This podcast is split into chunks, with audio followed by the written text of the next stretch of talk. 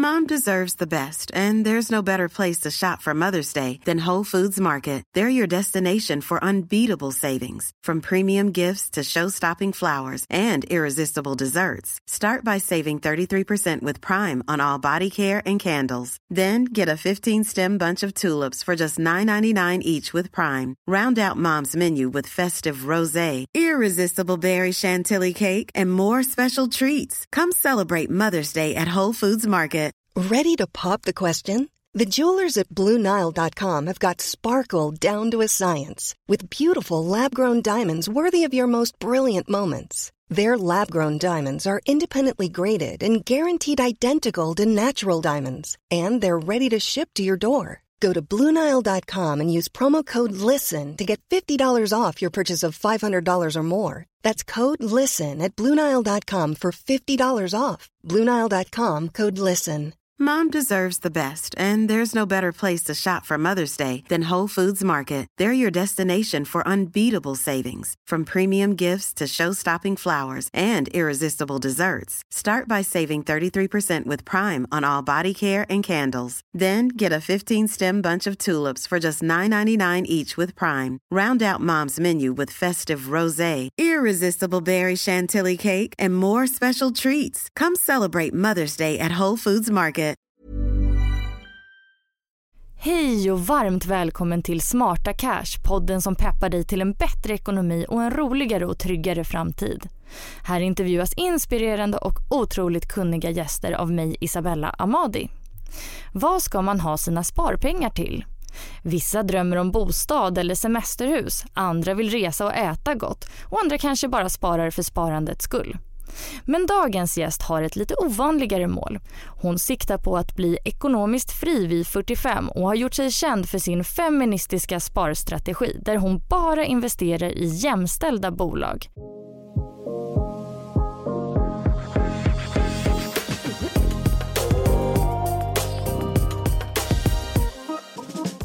Jag sitter inte på helgerna och pillar med aktier.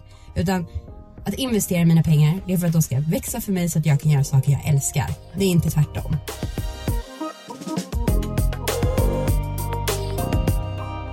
Hon kallar sig framtidsfeministen men heter Sandra Bourbon. Välkommen hit. Tack så mycket. Du jobbar som konsult med privatekonomi och eh, har föreläst för tusentals. Eh, och nu skriver du också på en bok. Hur, eh, hur har du hamnat här? Ja, det var privatekonomi har inte alltid varit viktigt för mig. Jag växte upp med föräldrar som sa att i Sverige så kan man inte bli rik på lön. Så att eh, varför ska jag ens spara 200 kronor i månaden och investera dem?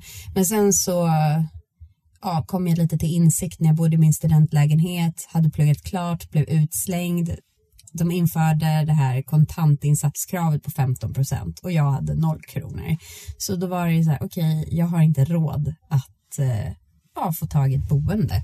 Så det var egentligen första käftsmällen och då började jag tänka så nej, nu måste jag börja ta tag i min privatekonomi, börja spara för ett boende och sen så blev jag mer och mer intresserad och sen började då investera mina pengar och det är ju det sjukaste när man väl får igång den här som man kallar ränta på ränta-effekten och pengarna liksom börjar växa. De jobbar ju för dig när du sover. Du investerar i bolag som jobbar dygnet runt så du kan göra annat och som pengarna blir som en snöboll som bara växer snabbare och snabbare ju längre tiden går.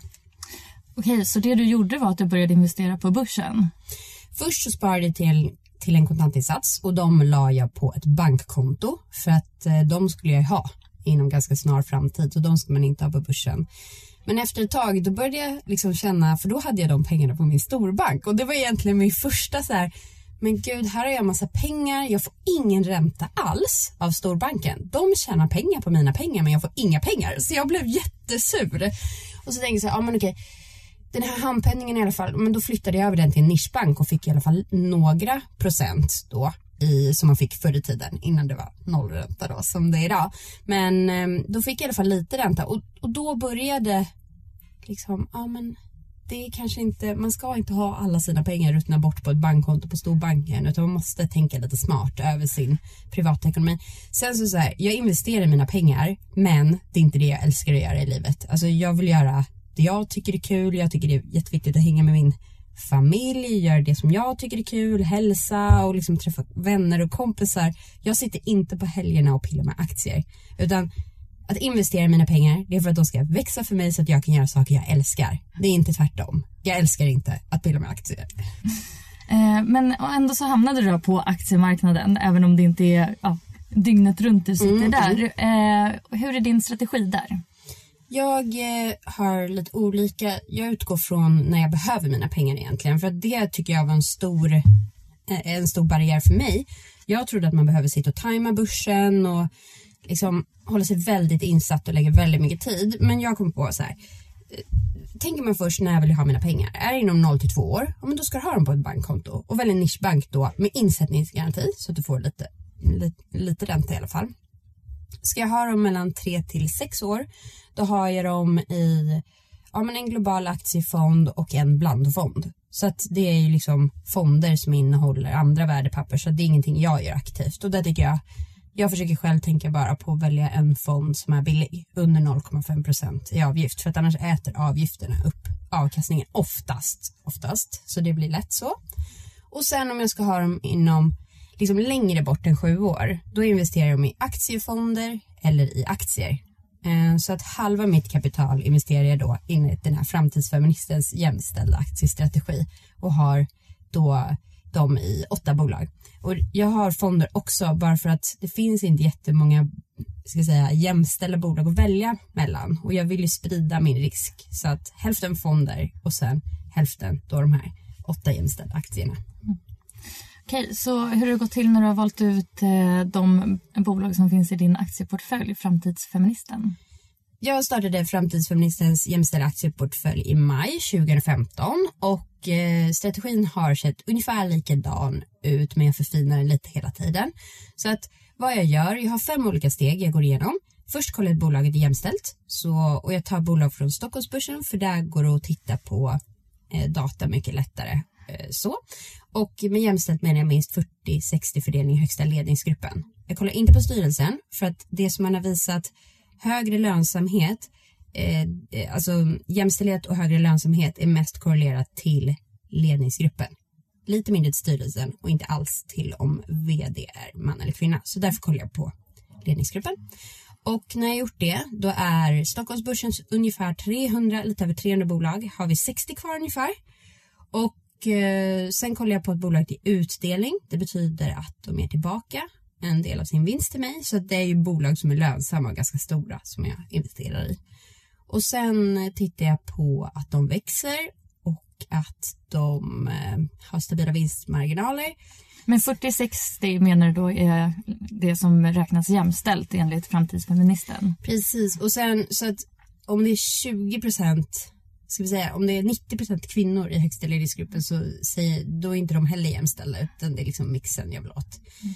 Precis. Och sen tittar jag på, läser jag på om företaget, förstår jag hur de tjänar sina pengar, tror jag att man kommer vilja eh, ha deras tjänsteprodukter i framtiden. Och det sista jag gör, steg fem då, det är att jag försöker sprida i fem branscher i alla fall. Så att jag får, försöker ändå få liksom en riskspridning. Så då brukar det vara ungefär så här, åtta bolag kvar ungefär. Och så gör jag den här analysen var sjätte månad. Och emellan varje månad så sparar jag en del av min lön som går in då i den här portföljen. Men det är ett krav att de ska ha utdelning, tänker du. Varför då? Missar man inte andra bra, också jämställda bolag? Mm, ja, jag tycker att, att de ger utdelning det är ett jättebra kvalitetstecken och det kan man se nu i coronatider också att det är många som har dragit tillbaka sin utdelning och då är det så här, har de så hållbar affärsmodell egentligen? Alltså när de inte liksom kan eh, ja, men parera en sån här kris på något sätt. Så att för mig handlar det mycket om att eh, egentligen att det är ett bolag som är lönsamt och kanske inte under värsta tillväxtfasen utan de bolagen jag investerar i är ganska gamla och tråkiga och då har de nästan alltid råd att ge tillbaka en del av sin utdelning. Eh, hur går det för din portfölj? Det, mitt mål var att det skulle gå lite bättre än Stockholmsbörsen och det har ju gått sjukt mycket bättre så att nu de sena, om man tittar tillbaka fem år i tiden så har den gått upp 129 procent Eh, Stockholmsbörsen, jag vet inte exakt vad den ligger på, men det är absolut inte på de nivåerna. Så att eh, det har gått mycket, mycket bättre, vilket är jätte, jätteroligt, som gör det såklart ännu roligare. Alltså det låter ju helt eh, osannolikt otroligt och man vill bara investera hur mycket som helst ju. Men blir man inte också rädd för en krasch någon gång?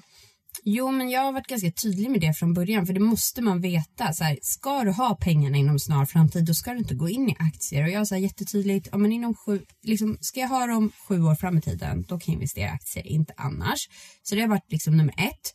Och ha en ganska stor buffert har varit en tydlig alltså, trygghet för mig själv också, så att jag inte ska, det blir en dipp på liksom 40 procent, 50 då ska inte jag behöva sälja av mina aktier då, utan då ska jag ha den här säkerheten, bufferten i privatekonomin. Om man, hur stor är en bra buffert då? Ja, men storbankerna brukar säga två till tre månadslöner ungefär, men jag har haft ibland, alltså i början, då hade jag tror jag min buffert var så att jag klarade mig ungefär ett år om jag drog ner mina kostnader till ett minimum. För jag tänkte så här, tänk om jag blir av med jobbet eller jag kanske blir sjukskriven eller jag liksom tvingas till något. Då kändes det liksom så otroligt tryggt att ha dem eh, den bufferten. För då gör det inte så mycket om börsen går ner lite.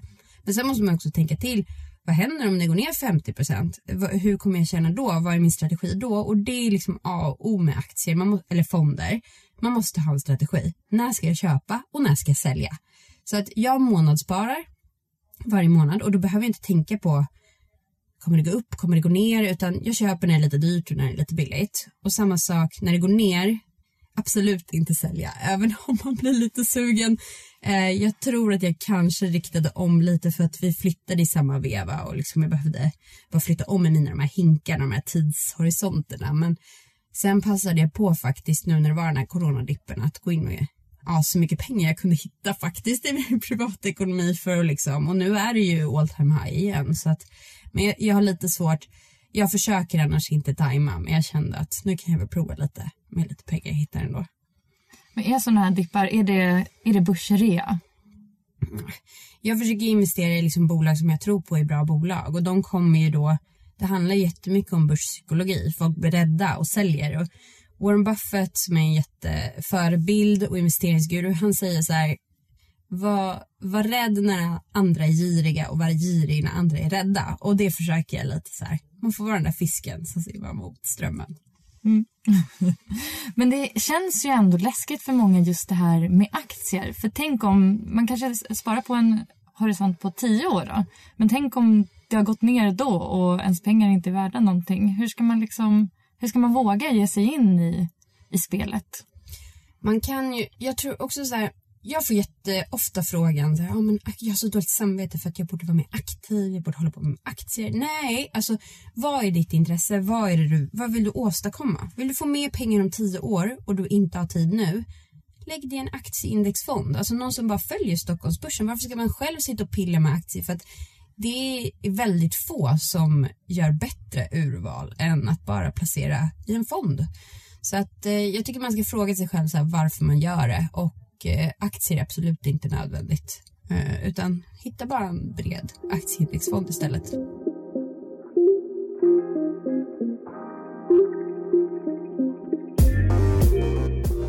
Okej, så vad är aktieindexfonder? Aktiefonder placerar ju pengar i olika bolag och fonden kan vara aktivt förvaltad, alltså att en person jobbar med att se över placeringarna. Eller så kan de följa index, alltså att de följer börsens utveckling. En väldigt populär typ är globala indexfonder men det finns också indexfonder för till exempel Sverige och Norden. Det som också brukar utmärka en aktieindexfond är att den har låg avgift.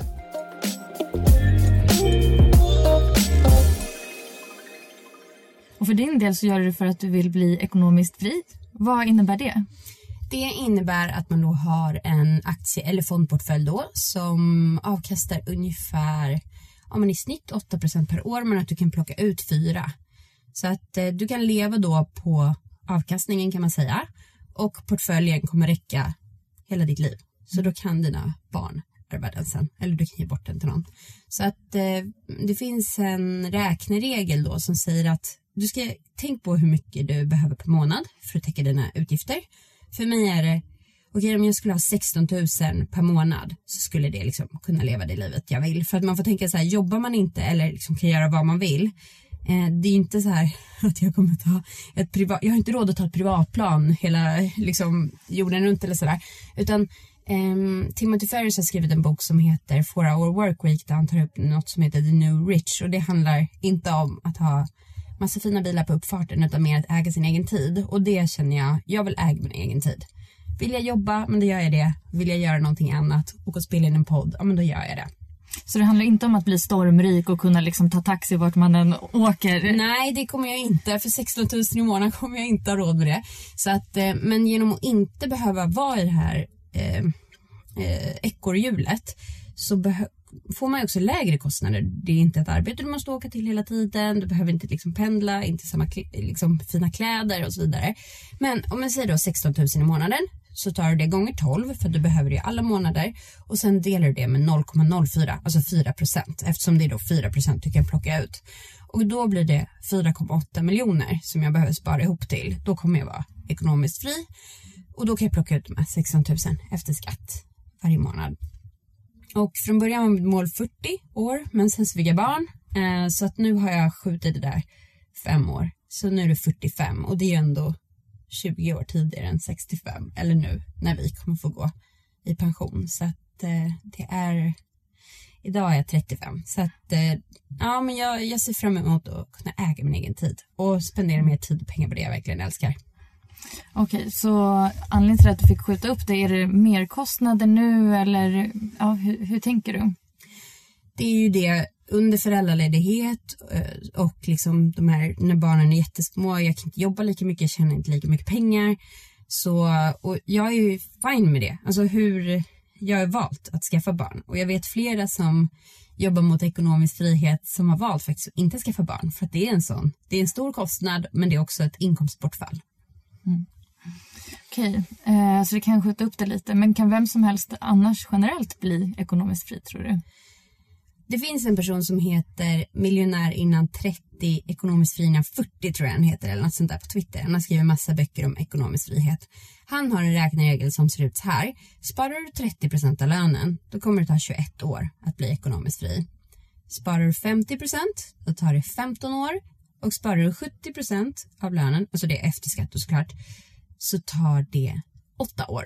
Så att det handlar inte om hur mycket pengar du tjänar, utan hur mycket egentligen du kan investera och hur lite du kan leva på. Hur låga, låga kostnader du har. Men alltså efter att ha hållit på med det här jag vill inte liksom leva på nudlar resten av livet. Det är inte det som är ett roligt liv utan vad jag har gjort med min privatekonomi, jag har sett över alla utgifter och så här.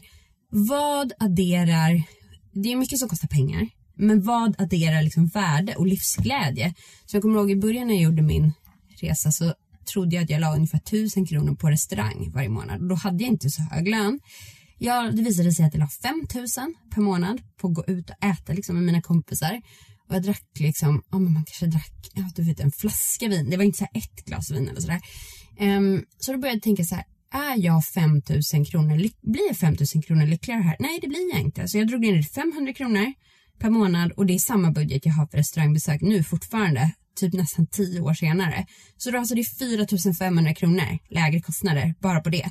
Och, och jag trodde att jag bara la 1000 kronor. Så att, eh, att liksom få lägga pengar på det man verkligen älskar och det var inte för mig att gå ut på restaurang. Då kan jag hellre bjuda hem mina kompisar för jag gillar att hänga med dem såklart. Men att vara ute eller att man är hemma, det spelar ingen roll.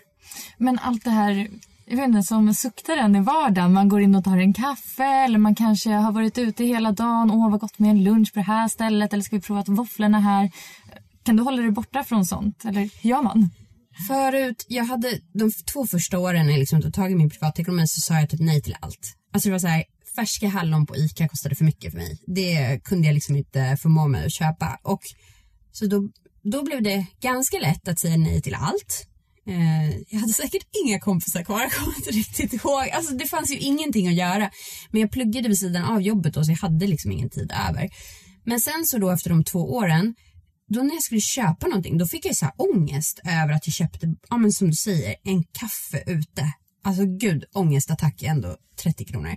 Men mm, då fick jag liksom träna upp det och det är kanske ganska, jag gillar så här man kan köra en utmaning med sig själv en månad och säga så här nej till allt. För då kommer du månaden efter se vad du verkligen uppskattar. Så att det inte blir den här slentriankaffet eller du vet den där en påse nötter för 30 kronor hade kunnat ta mer en näve nötter för 5 kronor. Så att liksom att det, det krävs ju en beteendeförändring och sen så finns det grejer som verkligen är värt det för mig och det är olika för dig och mig vad vi älskar att lägga pengar på. Så för mig hittills innan jag fick barn då var det att resa för att vår släkt bor i hela världen och det var att liksom åka och hälsa på dem. Men nu har det blivit med hela corona och plus att vi har barn så är det inte lika lätt att resa. Nu har det blivit boende som har blivit mer viktigt så då har vi, ligger vi lite mer, har flyttat och sådär. Innan så bodde vi väldigt billigt. Så att eh, liksom det här vad man älskar att lägga pengar på det förändras ju i livet och såklart jag tar ju, jag dricker ganska mycket latte när jag är ute för att unna mig det men då njuter jag ju av det också. Inte bara tar den och springer vidare. Mm. Men när man får barn då, det är en väldigt stor livsomställning och eh, kostsam också. Man behöver köpa vagn, nya kläder. Hur ska man förhålla sig till det om man också vill leva hyfsat sparsamt? Vi har försökt köpa jättemycket på Blocket och second hand och eh, för kläder tycker jag, där funkar Facebook Market så bra att köpa i närområdet funkar bra för oss. Um, men sen såklart, det är ju dyrt. Men då får man ju, det är också så här, vi har valt att inte spara, spara hela barnbidraget till det här barnet då. Varför ska de få 600 000 när de fyller 18? Det är ju roligare att använda pengarna lite här och nu, ha roligt tillsammans, spara en liten del så att de kanske får en liten hjälp när de fyller 18. Mm. Eh, om man tänker på att bli ekonomiskt fri då, när man har barn. Eh, behöver, behöver man mer pengar som ekonomiskt fri eftersom barnen kommer ju alltid kosta? Precis, ja men det tror jag att jag måste kanske kommer behöva lägga på någon tusenlapp, absolut. Mm. Okej, okay. eh, men det är framförallt då framtidsfeministens portfölj som jobbar för eh, att du ska bli ekonomiskt fri. För det är ju den längre horisonten då. Exakt, och så har jag ju då en fondportfölj på samma tidshorisont och det är en global aktiefond och en, en eller två svenska fonder tror jag. Men framtidsfeministens portfölj har ju gått absolut bäst så den står för liksom halva, um, halva delen. Hur funkar det här ränta på ränta eller snöbollseffekten som mm. vi pratade om förut? Mm. Oh, älskar den. Om du tänker så här, oh, det är så tråkigt att ta med sig matlåda till jobbet. Men då brukar jag, jag har en app som inte finns att ladda ner längre men man kan googla ränta på ränta app och ta någon annan. Så kan man tänka så här, oh, men okej, men om jag skulle ta med mig matlåda um, till jobbet varje dag, inte äta ute, ja men då sparar jag 2000 kronor i månaden. Om jag då investerar dem istället, då kommer jag efter 25 år ha sparat 600 000 kronor. Och om jag investerar dem också, då kommer jag ha ytterligare 1,3 miljoner i bara avkastning. Så totalt har du 2 miljoner då nästan, alltså 1,9 miljoner. Och det är ju helt sjukt. 2 miljoner om 25 år när du kanske går i pension. Det är ju jättemycket pengar att ha roligt för. Och så tänker man där då, ja men det spelar inte så stor roll med den där matlådan. Jo, det spelar jättestor roll just när de sätter igång och jobbar för dig, de här pengarna. Eh, så om vi pratar lite om att komma igång. Eh, om man bara haft ett vanligt lönekonto, man kanske haft ett sparkonto som man fyller på, som man snor lite från ibland när man behöver, fram och tillbaka. Men nu verkligen vill styra upp sin ekonomi. Var börjar man? Nummer ett skulle jag säga, flytta in den här bufferten till en nischbank så att du inte kommer åt pengarna, så att du inte ser dem hela tiden, så du slutar nalla av dem. Så det är nummer ett. Sen nummer två, skapa ett investeringssparkonto på Nordnet eller Avanza. Välj en global aktieindexfond med avgift under 0,5 och sätt igång ett månadssparande 100 kronor i månaden. Och sen så bokar du in en kalenderbokning med dig själv sex månader efter där du sätter dig ner, först belönar dig lite och sen såklart eh, kollar hur det har gått för den här fonden. Ge dig en kvart bara. Det, det, är liksom, det är inte svårare än så. Precis. Och om man vill veta mer, om man inte ens vet så här, gud herregud, nu har ni pratat massa fonder och det är aktieindexfond och så vidare. Vad är, vad är skillnaden på allting? Jag har gratis onlinekurser på invested.se liksom, där du kan göra budget för dig själv. Det finns en fonder för nybörjare, det finns en aktie för nybörjare och då får man lära sig alla ord eh, och hur man ska tänka. Varför ska det vara så svåra ord? Ja, det är det. Antagligen för att det är det bankerna tjänar pengar på ju svårare det är, då kommer du gå till dem och köpa deras produkter. Så att, ja. Mm. Hur mycket ska man spara då? Mm, jag tycker först, sätt igång den här 100 kronorna i månaden eller 200 kronor om du kan och liksom lär dig under första året. Sen om du har ett mål på att spara 10% av din lön efter skatt, det är ett bra mål. För då kommer du bli miljonär. Eh, förhoppningsvis, om, om du inte då redan är 75 år gammal. Men eh, det är liksom 10% av lönen är jättebra om man kan spara. Ska man tänka utifrån eh, vad man ska ha pengarna till eller ska man spara bara för att? Man kanske kommer behöva någonting om fem år och kanske någonting om tio år. Jag tror det beror lite på så hur man är som person. För att för mig var det först här, och gud, det var ju den där lägenheten som var verkligen, då kunde jag visualisera det och det vet man ju. Att har man ett mål där man visualiserar, ja men det är den här bilen eller det är den här resan eller vad det är. Då blir det mycket lättare att avvara den där latten här och nu. Men ehm, just nu så har jag mer, jag vill typ att mina pengar jobbar för mig. Jag vet inte riktigt vad jag kommer vilja köpa nästa år och det beror ju också lite på hur bra mina investeringar går. Går de jättebra har jag råd med lite lyxigare saker. Annars så, um, men genom att hålla sig till den här och göra den här 0 till 2 år på bankkonto och sen så den här mitten 3 till 6 år, den är liksom lite överkurs och skit helt i den. Eh, bara ta sju år och framåt, investera det i aktieindexfond. Det är liksom det första man behöver tänka på. Och vem vet vad vi gör om sju år? Det vet vi ju inte. Så att, och se till att ha en ordentlig buffert. Mm. Har du några fler tips på hur man kan spara in pengar? Jag shoppade ganska mycket. Nu kör jag något som heter Capsule Wardrobe så att jag bara har 33 klädesplagg. Och eh, det är liksom en liten process man går igenom. Man slänger ut alla sina kläder på sängen och jag hade i slutet räknat med över 100 och sen så väljer man ut de som man bara älskar och så måste man matcha ihop det lite så att man inte bara har 10 på, eller 33 på byxor. Det går ju inte för då har man liksom ingenting annat att ha på sig. Så det finns, om man googlar det, Capsule Wardrobe, så får man jättebra tips kring det. Lite Marie Kondo. Ja men precis, det är lite så. Och eh, nej men det är så bra för att det sjuka, jag spenderar mycket mindre pengar på kläder, sparar jättemycket tid, tvättar mindre, det är också helt konstigt. Och i de här 33 klädesplaggen så är det ju skor, väska, mm. du vet, eh, accessoar, allting ingår där. Förutom... Men vänta, sommar, vinter? Eller är ja, alla sommar, vinterkläder Nej, samma? Utan Nej, det heter så här, mm, i Sverige finns det fyra säsonger så var tredje månad så kan du liksom, ja men okej nu är det, går från vår till sommar, då byter jag ut lite. Så att jag har en IKEA-kasse med de kläderna jag inte använder. Så totalt såklart, jag har fler än 33. Men det är 33 som används eh, och eh, jag har mycket, mycket färre än vad jag hade förut. Jag behöver inte köpa nytt. Mm. Mm. Smart. Faktiskt. Men det är mycket det som kostar. Alltså de här förbrukningsvaror som kläder, maten, hygienprodukter, smink för de som använder det. Det är det som är svårt att komma ifrån ofta. Ja, och sen så tror jag också man får tänka, jag har provat, alltså mitt hår är som, jag vet inte, en frisk boll. Alltså, och jag har provat så mycket olika så här, dyra schampon och de lovar grejer och man köper den där flaskan som man aldrig använder upp. Och jag har så typ tröttnat på det. Nu kör jag bara det som man hittar på Lidl. Alltså, och det blir typ lika bra. Man måste också sluta lyssna på all reklam och så försöka sälja in till din, eh, det liksom bristen i ditt liv. För det är ju det de talar till hela tiden. Bli lite snyggare med det här schampot. Bli lite snyggare. Alltså jag använder hudkräm i ansiktet och jag har jättelite smink. Alltså, um, och det sparar ju också väldigt mycket pengar. Mm. Ja, det är faktiskt lätt att bli lurad in i alltså spenderarhjulet mm. eh, som är ju byggt för att vi ska typ känna oss dåliga eh, och spendera mera. Precis, så då meditera kanske lite, någonting, göra någonting annat för sig själv och ja. förbättra sin självkänsla. Nej men nu är det inte så att jag har världens mest fantastiska självkänsla. Och såklart det kan vara schysst att unna sig någonting. Men man kan inte unna sig allting hela tiden för då får man ingenting över. Eh, har du några dos and don'ts när det kommer till eh, sin egen ekonomi? Dos, jag tror man måste hitta sitt eget sätt. Det som fungerar för en själv.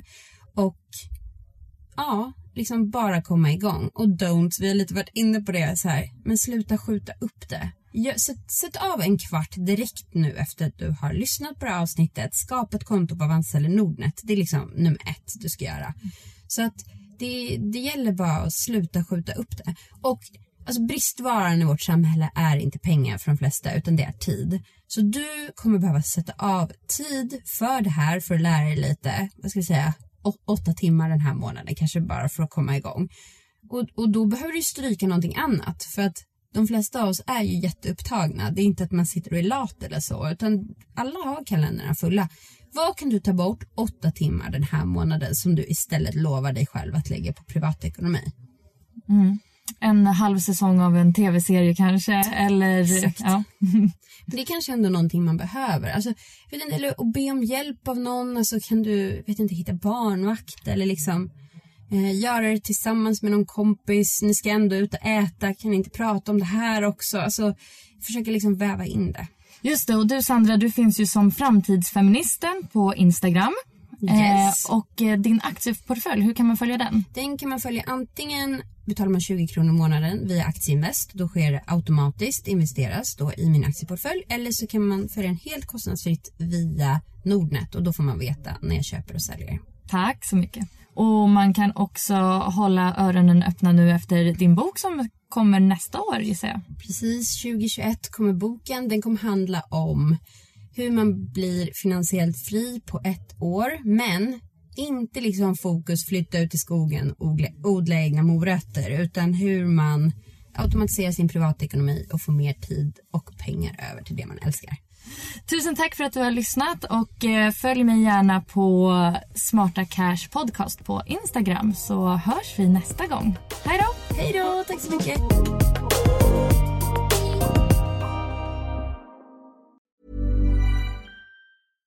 Selling a little or a lot? Shopify helps you do your thing however you cha-ching. Shopify is the global commerce platform that helps you sell at every stage of your business. From the launch your online shop stage to the first real life store stage, all the way to the did we just hit a million orders stage.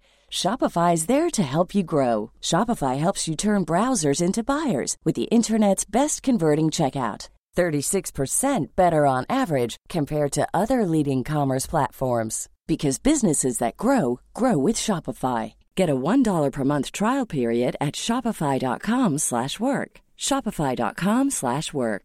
Imagine the softest sheets you've ever felt. Now imagine them getting even softer over time. That's what you'll feel with Bowl and Branch's organic cotton sheets. In a recent customer survey, 96% replied that Bowl and Branch sheets get softer with every wash. Start getting your best night's sleep in these sheets that get softer and softer for years to come. Try their sheets with a 30-night guarantee. Plus, get 15% off your first order at bowlandbranch.com. Code BUTTERY. Exclusions apply. See site for details. Mom deserves the best, and there's no better place to shop for Mother's Day than Whole Foods Market. They're your destination for unbeatable savings, from premium gifts to show-stopping flowers and irresistible desserts. Start by saving 33% with Prime on all body care and candles. Then get a 15-stem bunch of tulips for just $9.99 each with Prime. Round out Mom's menu with festive rosé, irresistible berry chantilly cake, and more special treats. Come celebrate Mother's Day at Whole Foods Market.